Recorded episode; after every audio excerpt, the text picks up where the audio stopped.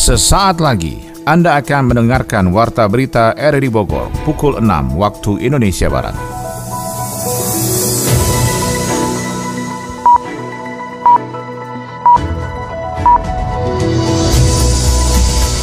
Selamat pagi dan salam jumpa. Kembali kami hadir dalam Warta Berita edisi hari ini, Rabu 14 Juni 2023. Siaran kami bisa Anda dengarkan lewat audio streaming di RRD Play dan bisa Anda dengarkan juga di audio on demand di Spotify, Anchor, Portal, dan Google Podcast.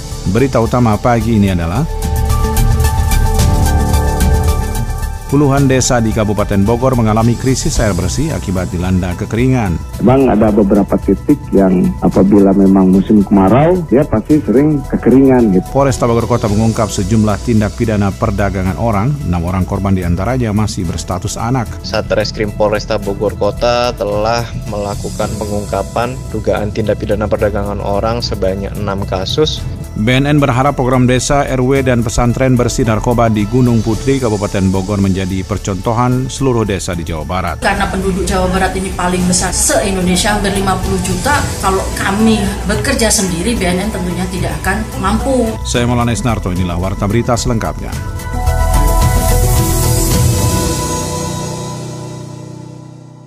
Sebanyak 10 desa di tiga kecamatan di Kabupaten Bogor yakni Jasinga, Nanggung, dan Jonggol mengalami krisis air bersih akibat dilanda kekeringan. Adi Fajar melaporkan. Sebanyak 10 desa di Kabupaten Bogor mengalami krisis air bersih akibat dilanda kekeringan. Badan Penanggulangan Bencana Daerah BPBD Kabupaten Bogor mencatat setidaknya ada tiga kecamatan yang terdampak yakni Jasinga, Nanggung, dan wilayah Bogor Timur seperti di Kecamatan Jonggol. Hal itu diungkapkan Kepala Bidang Pencegahan dan Kesiapsiagaan BPBD Kabupaten Bogor, Agus Suryatna. Menurut Agus, wilayah tersebut tersebut memang kerap dilanda kekeringan saat intensitas hujan berkurang, sehingga sumber mata air warga berkurang dan warga kesulitan memenuhi kebutuhan air bersih setiap harinya. Jadi memang dalam beberapa hari terakhir ini, minggu-minggu ini memang ada beberapa desa yang mengajukan permintaan air bersih. Untuk sementara kami mencatat di eh, dua minggu ini ada sekitar 10 desa di wilayah sekitar Jasinga dan Nanggung gitu. Yang memang di daerah Jasinga itu memang langganan hampir sering sekali ya terjadi kekeringan. Tapi tidak secara umum ya bahwa daerah Jasinga itu kekeringan tidak tidak demikian. Memang ada beberapa titik yang apabila memang musim kemarau dia pasti sering kekeringan gitu ya. Itu memang sudah berlangsung lama itu ya. Jasinga kemudian wilayah timur di Jonggol. Nah sekarang tambah lagi ada beberapa titik di kecamatan Nanggung. Agus menjelaskan dari pengajuan desa yang mengalami kekeringan pihaknya telah mengirimkan air bersih di tiga titik utama utama. Seperti di wilayah Jasinga, BPBD telah memasang toren air untuk disalurkan kepada warga terdampak sebagai upaya mitigasi dan antisipasi terjadinya bencana kekeringan. Sedikitnya BPBD telah memasang toren penampungan air bersih di 24 titik yang tersebar di Kecamatan Jasinga, Nanggung, dan Jonggol. Kita ada akses ya, jadi di sana juga di, di Kecamatan Jasinga itu kita punya toren penampungan air sekitar 13 titik ya. Jadi memang kita sudah memberikan akses kepada pihak desa dan kecamatan apabila ada permohonan air bersih silakan menghubungi BPBD. Nanti kita kirim ya. Bisa di titik kita simpan di toren yang sudah kita siapkan atau di titik-titik berdasarkan permintaan dari kepala desa. Sementara itu, Kepala Stasiun Klimatologi Jawa Barat Rahmat Prasetya mengungkapkan, saat ini secara umum wilayah Jawa Barat mulai masuk ke musim kemarau. Hal ini juga dapat diperparah dengan fenomena El Nino yang diprediksi terjadi pada bulan Juli sampai Agustus mendatang. Berdasarkan update data iklim sampai dengan awal bulan Juni ini, wilayah Jawa Barat tampak memang di pesisir bagian utara itu itu kondisi curah hujannya sudah berkurang dibandingkan daerah Jawa Barat Tengah dan di Selatan. Oleh karenanya dengan berkurangnya curah hujan itu nanti jika memang El Nino itu hadir di pertengahan semester tahun ini maka mungkin dampak akan lebih berkurangnya hujan akan lebih ter terasa. Nah, informasi dari kami dari awal tahun memang kemungkinan tahun ini ada El Nino itu pun lemah nanti di sekitar bulan uh, Juli Agustus. Rahmat Prasetya mengimbau seluruh masyarakat Kabupaten Bogor untuk bijak menggunakan air bersih dan selalu menyediakan penampungan air untuk mengantisipasi terjadinya kekeringan, mengingat saat ini Bogor mulai memasuki masa peralihan dari musim hujan ke musim kemarau. Kekeringan yang melanda sejumlah desa di beberapa kecamatan di Kabupaten Bogor disebabkan posisi rumah yang berada di ketinggian. Beberapa dari warga ada yang memilih air di depo isi ulang untuk kebutuhan sehari-hari sambil menunggu pipa sambungan air bersih warga teraliri. Laporan Nyofri Haryadi. Wilayah Kecamatan Sukamakmur, Cariu, dan Jonggol, Kabupaten Bogor, sebagian besar wilayahnya mengalami kekeringan. Akibatnya, sumber air bersih untuk kebutuhan rumah tangga terganggu, khususnya mereka yang mendapatkan pasokan air sehari-harinya dari sumber mata air yang dialirkan atau air sumur. Salah seorang petugas Polsek Sukamakmur, Aibtu Herman, mengatakan ada tiga wilayah krisis air saat terjadi kemarau panjang. Sukamakmur, Cariu, tuh Cariu Bapak ini tuh. Oh, Bapak, Bapak ini kalau musim panas cari air terus. Tahu desa apa Bapak ini? Salah seorang staf desa Sukaharja, Kecamatan Sukamakmur, Maryami mengatakan ada beberapa warganya yang mengalami kekeringan lantaran posisi rumahnya berada di ketinggian sehingga aliran air tidak menjangkau beberapa keluarga di sekitar rumahnya. Beberapa dari warga ada yang membeli air dari depo isi ulang untuk kebutuhan sehari-hari sambil menunggu pipa sambungan air bersih warga teraliri. Kalau saya sih di desa Sukaharja, Gunung Batu, bang lagi air lagi sulit kan lagi musim kemarau. Ya karena kita kan dari air tanah air tanah di sumur memang sih ada kita bikin kali sumber air bersih ada. Tapi kebetulan kalau rumah kita itu agak tersendiri gitu. Tapi untuk warga alhamdulillah sih sudah ada untuk mata air. enggak disalurkan ada yang disalurkan. mengeslang tempat saya sih emang berbeda jauh gitu kan hmm. dari lingkungan di bawah. Jadi alur air gitu. Jadi susah nggak bisa teraliri oh, iya, sama. Enggak baru hari ini aja kita nggak ada airnya. Kita kan berapa hari ini nggak hujan ya? Sekitar lima tahun lalu kecamatan Sukamakmur Cariu dan Jonggo pernah dilanda kekeringan lantaran lima bulan tidak turun hujan Ketua RT 3 Kampung Nyalindung Desa Pabuaran, Damanhuri mengatakan untuk saat ini warganya belum perlu menghubungi BPBD untuk mendapatkan pasokan air bersih. Kalau kita makan di Nyalindung dataran tinggi memang sumber air, alhamdulillah ada. Ya kalau misalkan lebih dari enam bulan, Belanda juga kalau kurang dari empat atau lima bulan masih ada gitu hmm. buat kebutuhan. Kita perlu bantuan dari BPBD Selain kemarau yang panjang, penyebab warga kekurangan air di timur Kabupaten Bogor adalah tidak terdistribusikan secara merata sumber air yang berada di titik penghasil air seperti aliran sungai, danau, atau mata air yang kontur wilayahnya berbukit dan bertebing itu. Di samping sumber daerah resapan di kawasan itu pun banyak menjadi pemukiman padat penduduk. Pemerintah Kabupaten Sukabumi mulai membongkar sejumlah bangunan yang berada di sepanjang kawasan Jalan Kidang Kencana, Kecamatan Pelabuhan Ratu untuk mempercepat pembangunan alun-alun laut di Goda Bangkong di wilayah Pelabuhan Ratu Sukabumi. Berikut dilaporkan Adi Fajar Nugraha. Pemerintah Kabupaten Sukabumi mulai membongkar sejumlah bangunan yang berada di sepanjang kawasan Jalan Kidang Kencana di Kecamatan Pelabuhan Ratu. Hal itu dalam rangka mempercepat pembangunan alun-alun laut Gado Bangkong di wilayah Pelabuhan Ratu, Kabupaten Sukabumi. Camat Pelabuhan Ratu Ali Iskandar mengatakan, kegiatan ini merupakan tindak lanjut instruksi dari Sekretaris Daerah Kabupaten Sukabumi agar semua bangunan yang berdiri di lahan untuk rencana pembangunan ruang terbuka hijau atau RTLH alun-alun Laut Gadong Bangkong dilakukan pembongkaran. Hal ini dilakukan dalam rangka menyediakan lahan yang sudah bersih sehingga mempermudah pelaksanaan kegiatan pembangunan yang direncanakan dimulai bulan ini oleh Pemprov Jawa Barat. Jadi sebagaimana surat Pak Sekda hari ini kami diperintahkan untuk melaksanakan kegiatan pembongkaran clear and clean lahan Pemda yang sudah diselesaikan oleh DPTR sudah di kerohiman buat warga baik bangunan maupun tanah untuk secepatnya memudahkan provinsi melakukan kegiatan pembangunan. Insya Allah tidak lama lagi direncanakan di bulan-bulan ini kegiatan itu akan dilaksanakan. Jadi tugas kita adalah memastikan lahan milik Pemda dalam posisi siap bangun. Sementara itu Kepala Bidang Perumahan dan Kawasan Permukiman Disprimkim Kabupaten Sukabumi Abbas Ruslandi menambahkan pembongkaran telah dimulai sejak Senin dan hingga Selasa kemarin petugas telah merapikan puing-puing bangunan yang sebelumnya telah dibongkar menggunakan alat berat. Ini untuk alun-alun laut betul apa yang diharapkan sesuai dengan visi misi Pak Gubernur. Ini bangunan-bangunannya sebetulnya sudah dirobohkan masing-masing dengan mandiri. Ini ini hanya perataan aja dari pihak PU supaya puing-puingnya tidak berantakan. Ini bangunan mungkin sampai saat ini udah ada sekitar 8 atau 9 bangunan yang udah bisa dirapikan. Seluruh bangunan yang dibongkar sebelumnya sudah ditinggalkan oleh para pemiliknya yang sudah mendapatkan uang kerohiman. Bahkan pihaknya pun mengapresiasi para pemilik rumah yang sebelumnya sudah meratakan bekas tempat tinggalnya itu. Adapun luas lahan yang akan dibangun berbagai fasilitas tersebut sekitar 12.000 meter persegi, di mana 5.000 meter persegi dijadikan bangunan sementara, sisanya dijadikan RTH, lahan parkir, dan sebagainya. Akhirnya hilang rasa hausnya. Seger banget airnya.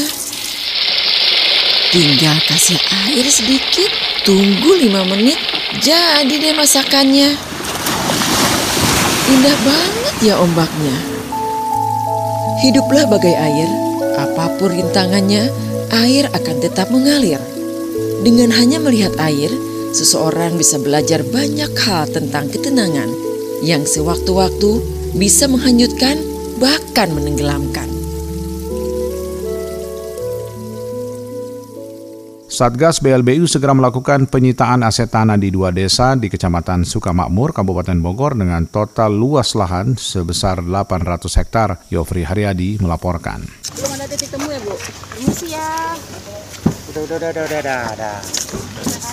Satgas BLBI akan melakukan penyitaan aset tanah di dua desa di Kecamatan Sukamakmur, yakni di Desa Sukamulya dan Sukaharja yang luas totalnya sekitar 800 hektar. Luasnya areal yang akan menjadi objek sita oleh Satgas BLBI dan Kejagung itu pun mendapat penolakan terutama dari masyarakat yang sudah puluhan tahun menempati dan mengelola lahan di kawasan itu. Ada 400 hektar di Desa Sukamulya dan sekitar 39 hektar di Desa Sukaharja meliputi ratusan bidang yang dipertanyakan legalitasnya oleh masyarakat yang menempati lahan tersebut. Pasalnya, terpidana kasus BLBI bernama Lee Che Hian Kiat alias Lee Darmawan yang asetnya disita negara ternyata tidak sepenuhnya membeli tanah yang kini ditempati oleh warga di Sukamakmur Bogor. Seperti diungkapkan warga sekaligus yang mengadvokasi mereka, Andika Aditisna. Apakah sekian ribu orang ini ikut terdampak itu tidak dipikirkan. Nah, pada saat kondisinya udah hampir mau dua tahun hal ini terjadi. Tadi dipinta juga pihak desa, pihak kecamatan, sampai kapan eh, kegiatan pemblokiran ini dilaksanakan? Ya harapan dari kita adalah sesuai dengan fakta di lapangan kan tidak semua satu desa, dua desa bahkan dengan Sukamulya yang diblokir. Apakah harus seperti itu? Kan jadi aneh gitu. Sedangkan sudah ada titik-titik yang dia tentukan, bahkan di plannya sendiri sudah dibuat petanya oleh mereka, oleh pihak kejaksaan dan penyitaan aset itu. Kenapa tidak itu aja yang terkonsentrasinya? Nah justru makin melebar ke mana-mana dan juga perlu diverifikasi bahwa pembeliannya itu kan juga belum pernah kita lihat. Terpidana ini mengatakan bahwa itu tanah sudah dia beli, itu kan kita belum tahu belinya dari siapa, kapan waktunya, dan bagaimana prosesnya, ada apa enggak. So kalau cuma pengakuan satu pihak aja kemudian menjadikan sitaan buat masyarakat yang dirugikan banyak. Dua tahun lalu, Satgas BLBI memasang pelang pada tanah-tanah yang menjadi objek sitaan. Namun warga tidak mengetahui secara pasti bidang tanah mana saja yang berperkara dalam kasus tersebut. Dan baru-baru ini, akhirnya tim dari Satgas BLBI membuka peta bidang yang akan dirampas dan dilelang oleh negara. Camat Sukamakmur Bakri Hasan mengatakan pada Rabu 14 Juni Satgas BLBI melakukan peninjauan kembali ke lokasi dan menetapkan batas lahan yang akan dieksekusi. Besok akan dilakukan cek lapangan sambil melihat data yang memang jelas-jelas lokasi yang penyembeli ya sesuai dengan putusan. Putusannya sekarang 450 hektaran, kemudian kurang lebih ya, lebih sedikit 491. Terus yang ini apa? Sukamulya itu 350 hektaran itu nantilah lihatnya besok ya. Saya nggak nggak bisa panjang yang jelas kita lihat dulu ke lokasi. Ada ratusan bidang dan ratusan hektar di dua desa Sukamulya dan Sukaharja yang peta bidangnya dikunci oleh BPN sehingga tidak dapat membayar pajak bumi dan bangunan termasuk penolakan secara sistem dalam program sertifikasi tanah lengkap PTSL. Ketidakpastian hukum itu pun akan memicu konflik horizontal antara masyarakat dan pemerintah dan dipastikan mereka kehilangan hak atas tanah yang dimiliki.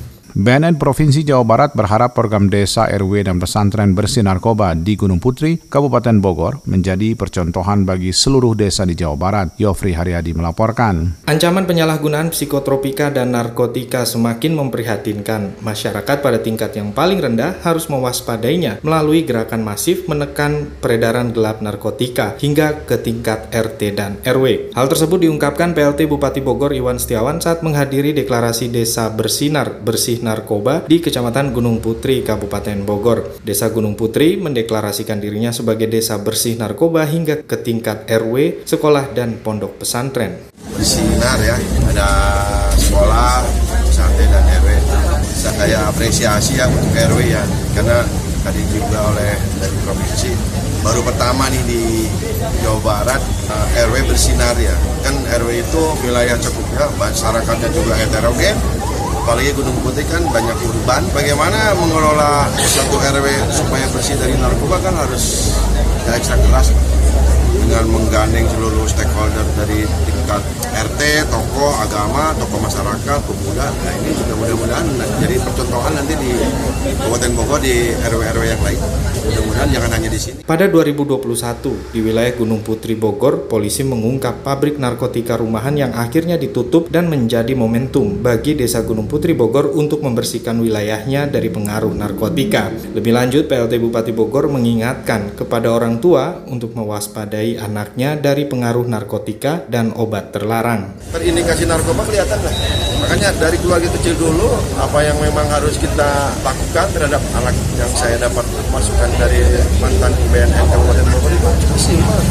Dia suka bohong juga enggak, gitu. dia suka maling duit kecil enggak, dan pemikirannya juga suka ngaco enggak itu kelihatan makanya simpel aja jadi kalau mau ngelihat anak kena narkoba itu lihat, lihat aja itulah keluarga harus ada pembinaan di PKK mungkin di desa Pada kesempatan yang sama, Kepala Bagian Umum BNN Provinsi Jawa Barat, Triwahyu Astuti berharap program desa, RW, dan pesantren bersih narkoba di Gunung Putri menjadi percontohan bagi seluruh desa di Jawa Barat. Dijadikan RW bersinar nih RW 4 sama RW 5 ya Pak kalau nggak salah. Tadi itu sama RW 6 itu luar biasa. Ternyata ibu-ibunya juga respon, mengetahui apa program P4GN sepanjang jalan. Terus kemudian tadi ada tidak hanya program P4GN yang menjadi andalan, tapi nanti berikutnya akan berpadu dengan program-program lain lain dari instansi lain. Berikutnya tentunya menjadi satu kesatuan yang luar biasa gitu. Jadi harapan kami karena penduduk Jawa Barat ini paling besar se-Indonesia hampir 50 juta, kalau kami bekerja sendiri BNN tentunya tidak akan mampu. Kami perlu partisipasi dari seluruh lapisan masyarakat.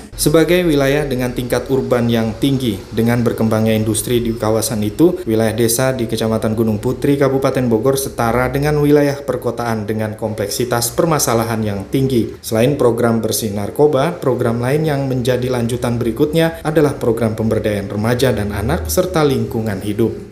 Polresta Bogor Kota menangkap sejumlah tindak pidana perdagangan orang TPPO. Enam orang korban di antaranya masih berstatus anak. Sony Agung melaporkan. Satuan Reserse Kriminal Polresta Bogor Kota melakukan upaya penegakan hukum terhadap tindak pidana perdagangan orang TPPO. Hal itu terlihat saat adanya gelar perkara di Mapolresta Bogor Kota dengan adanya pengungkapan kasus selama bulan Mei dan Juni 2023. Kasat Reskrim Polresta Bogor Kota Kompol Rizka Fadila mengungkapkan penanganan tindak pidana perdagangan orang yang terjadi di di wilayah hukum Polresta Bogor Kota dalam kurun waktu bulan Mei dan Juni Satreskrim Polresta Bogor Kota telah melakukan pengungkapan kasus tindak pidana perdagangan orang TPPO sebanyak enam kasus di berbagai tempat. Dalam enam kasus itu terdapat korban enam orang TPPO yang masih berstatus anak. Kemudian polisi juga menangkap sembilan tersangka yang terjerat dengan pasar perdagangan orang dan perlindungan anak dengan ancaman paling singkat 3 tahun penjara dan maksimal 15 tahun pengungkapan dugaan tindak pidana perdagangan orang yang terjadi di wilayah hukum Polresta Bogor Kota. Dalam kurun waktu bulan Mei dan Juni ini, Satreskrim Polresta Bogor Kota telah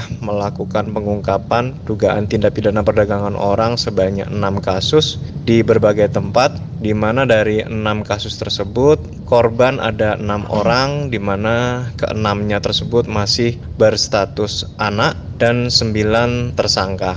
Adapun untuk tersangka dijerat dengan Undang-Undang Perdagangan Orang dan Perlindungan Anak dengan ancaman pidana paling singkat 3 tahun dan maksimal 15 tahun. Hingga saat ini pihaknya juga masih melakukan pendalaman terhadap kasus pidana perdagangan orang yang menggunakan media sosial untuk melakukan aksi kejahatan prostitusi online.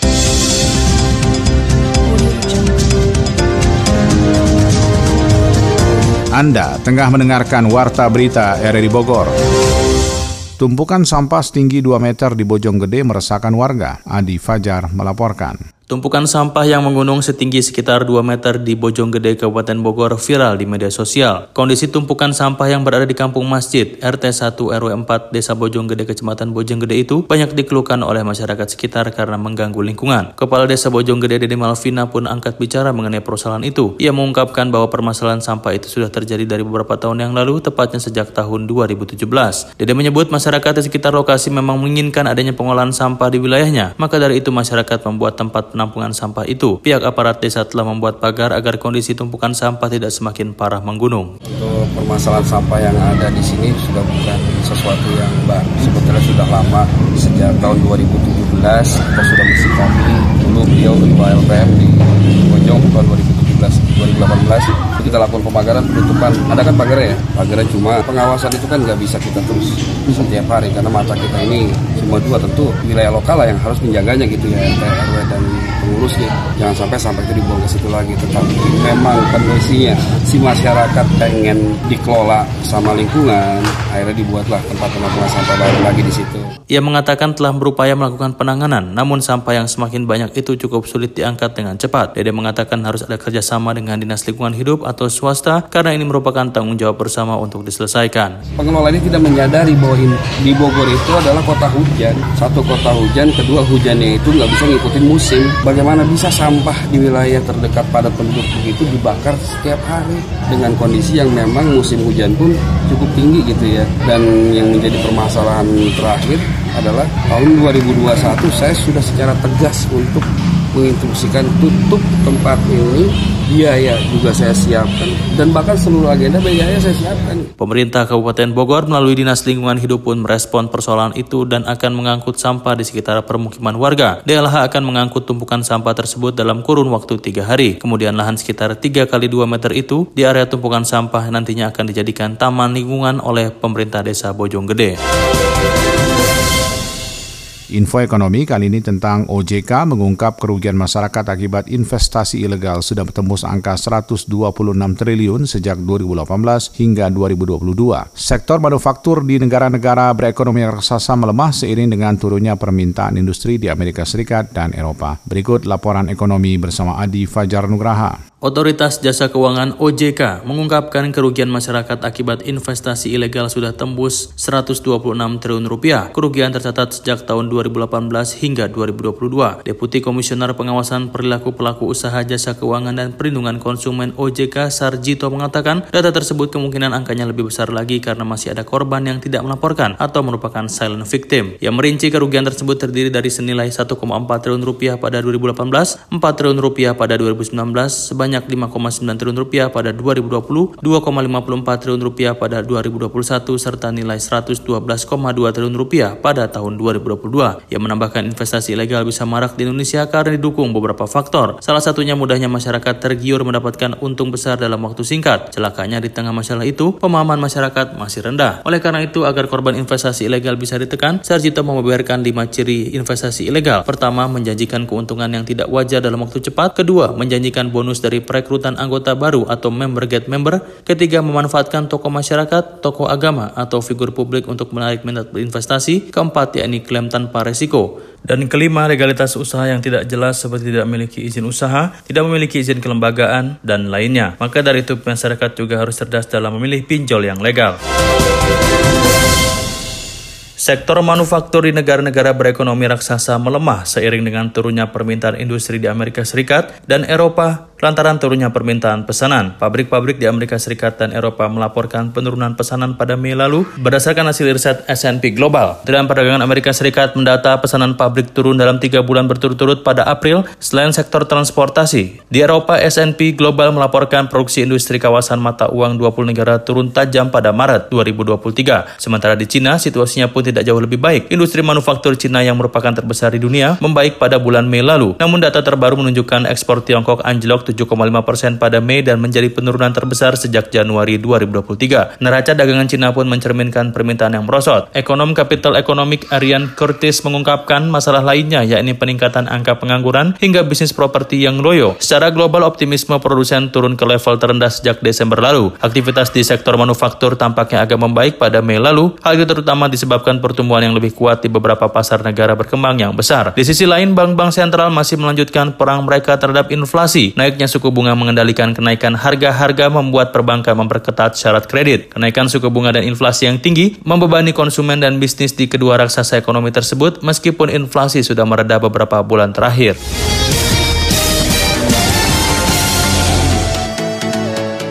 Dari dunia olahraga, pasangan Febriana Dwi Puji Kusuma Malia Cahaya Pratiwi menjadi wakil ganda putri Indonesia pertama yang lolos ke 16 besar dalam Indonesia Open 2023. Futsal Putri Kabupaten Bogor terus mengembangkan pencarian atlet-atlet baru sebagai generasi penerus ke depan. Kita ikuti info olahraga bersama Ermelinda.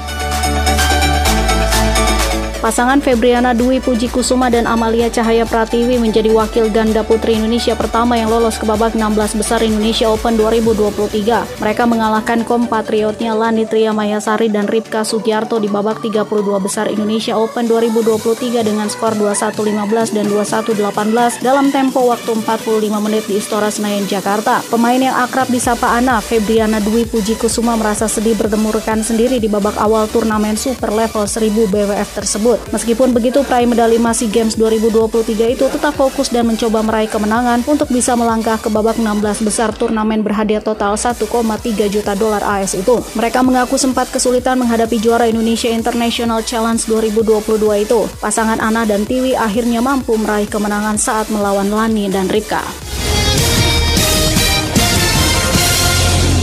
Futsal Putri Kabupaten Bogor terus mengembangkan sayapnya dalam mencari atlet-atlet baru sebagai generasi penerus ke depannya. Diakui oleh manajer pelatih Futsal Putri Kabupaten Bogor M. Teguh mengatakan pencarian bibit baru hingga saat ini tidak ada kendala karena peminat futsal putri di Kabupaten Bogor cukup banyak. Namun itu saja tidaklah cukup karena dalam program pembinaan ke depannya tetap dibutuhkan pemain dengan mental juara sehingga menurut Teguh saat ini event-event khusus untuk pelajar wajib terus dilaksanakan. Karena ini sebagai salah satu upaya dalam memperkuat mental dan juga modal prestasi salah satunya untuk Porprov mendatang. Ini luar biasa, bisa menyelenggarakan event seperti ini tingkat kabupaten dan khususnya untuk para pelajar ini luar biasa apalagi pesertanya adalah pelajar SMA yang nantinya mungkin bisa jadi bakal buat Porda harapannya berikutnya adalah mudah-mudahan futsal ini menjadi bagian dari pemerintah daerah Kabupaten Bogor dalam melakukan pembinaan olahraga. Bicara mengenai prestasi cabang olahraga futsal putri termasuk dalam satu cabang olahraga yang diandalkan oleh Dispora Kabupaten Bogor dalam meraih pundi-pundi prestasi. Tahun 2022 lalu cabang olahraga futsal putri termasuk yang juga menyumbangkan medali emas bagi Kabupaten Bogor. Sementara itu asisten pelatih futsal Kabupaten Bogor Maya Muharina memastikan bahwa untuk atlet baru yang akan bergabung di futsal putri Kabupaten Bogor akan mengikuti seleksi yang berjalan ketat. Mayang mengatakan hanya fokus melihat skill, teknik, kekuatan, dan visi bermain para pemain yang diseleksi karena ke depannya stamina dan juga teknik dalam pertandingan yang sangat dibutuhkan sehingga dibutuhkan seleksi yang cukup ketat. Kita dikasih dulu kecepatannya dulu,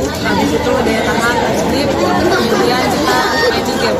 Kalau untuk seleksi masih belum kita melihat uh, seleksi entah tekniknya dengan skillnya juga dengan bagaimana dia di groupingnya juga main Kabupaten Bogor juga memiliki cukup banyak klub binaan yang sudah mencapai taraf nasional. Salah satunya adalah Squad Matic Ladies Futsal Club atau NLFC yang bermarkas di SMPN 3 Cibinong yang kemarin berhasil memberikan kado terindah bagi Kabupaten Bogor yang tengah merayakan Hari Jadi Bogor ke-541 tahun 2023. Tampil pada ajang Women Professional Futsal League atau Liga Futsal Profesional Wanita Indonesia 2023 di Kota Tegal, NLFC mampu menghempaskan perlawanan tim futsal Sumatera Selatan. Ke depannya semua pemain dan official Netik akan selalu all out untuk bisa mengharumkan Kabupaten Bogor pada kancah futsal nasional.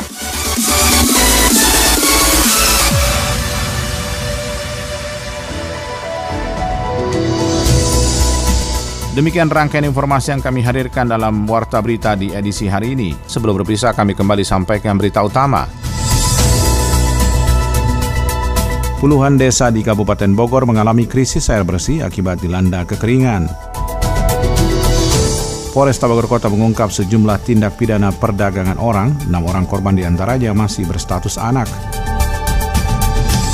BNN berharap program desa, RW, dan pesantren bersih narkoba di Gunung Putri, Kabupaten Bogor menjadi percontohan seluruh desa di Jawa Barat. Mewakili kerabat kerja bertugas, saya Maulana Estato mengucapkan terima kasih. Selamat pagi.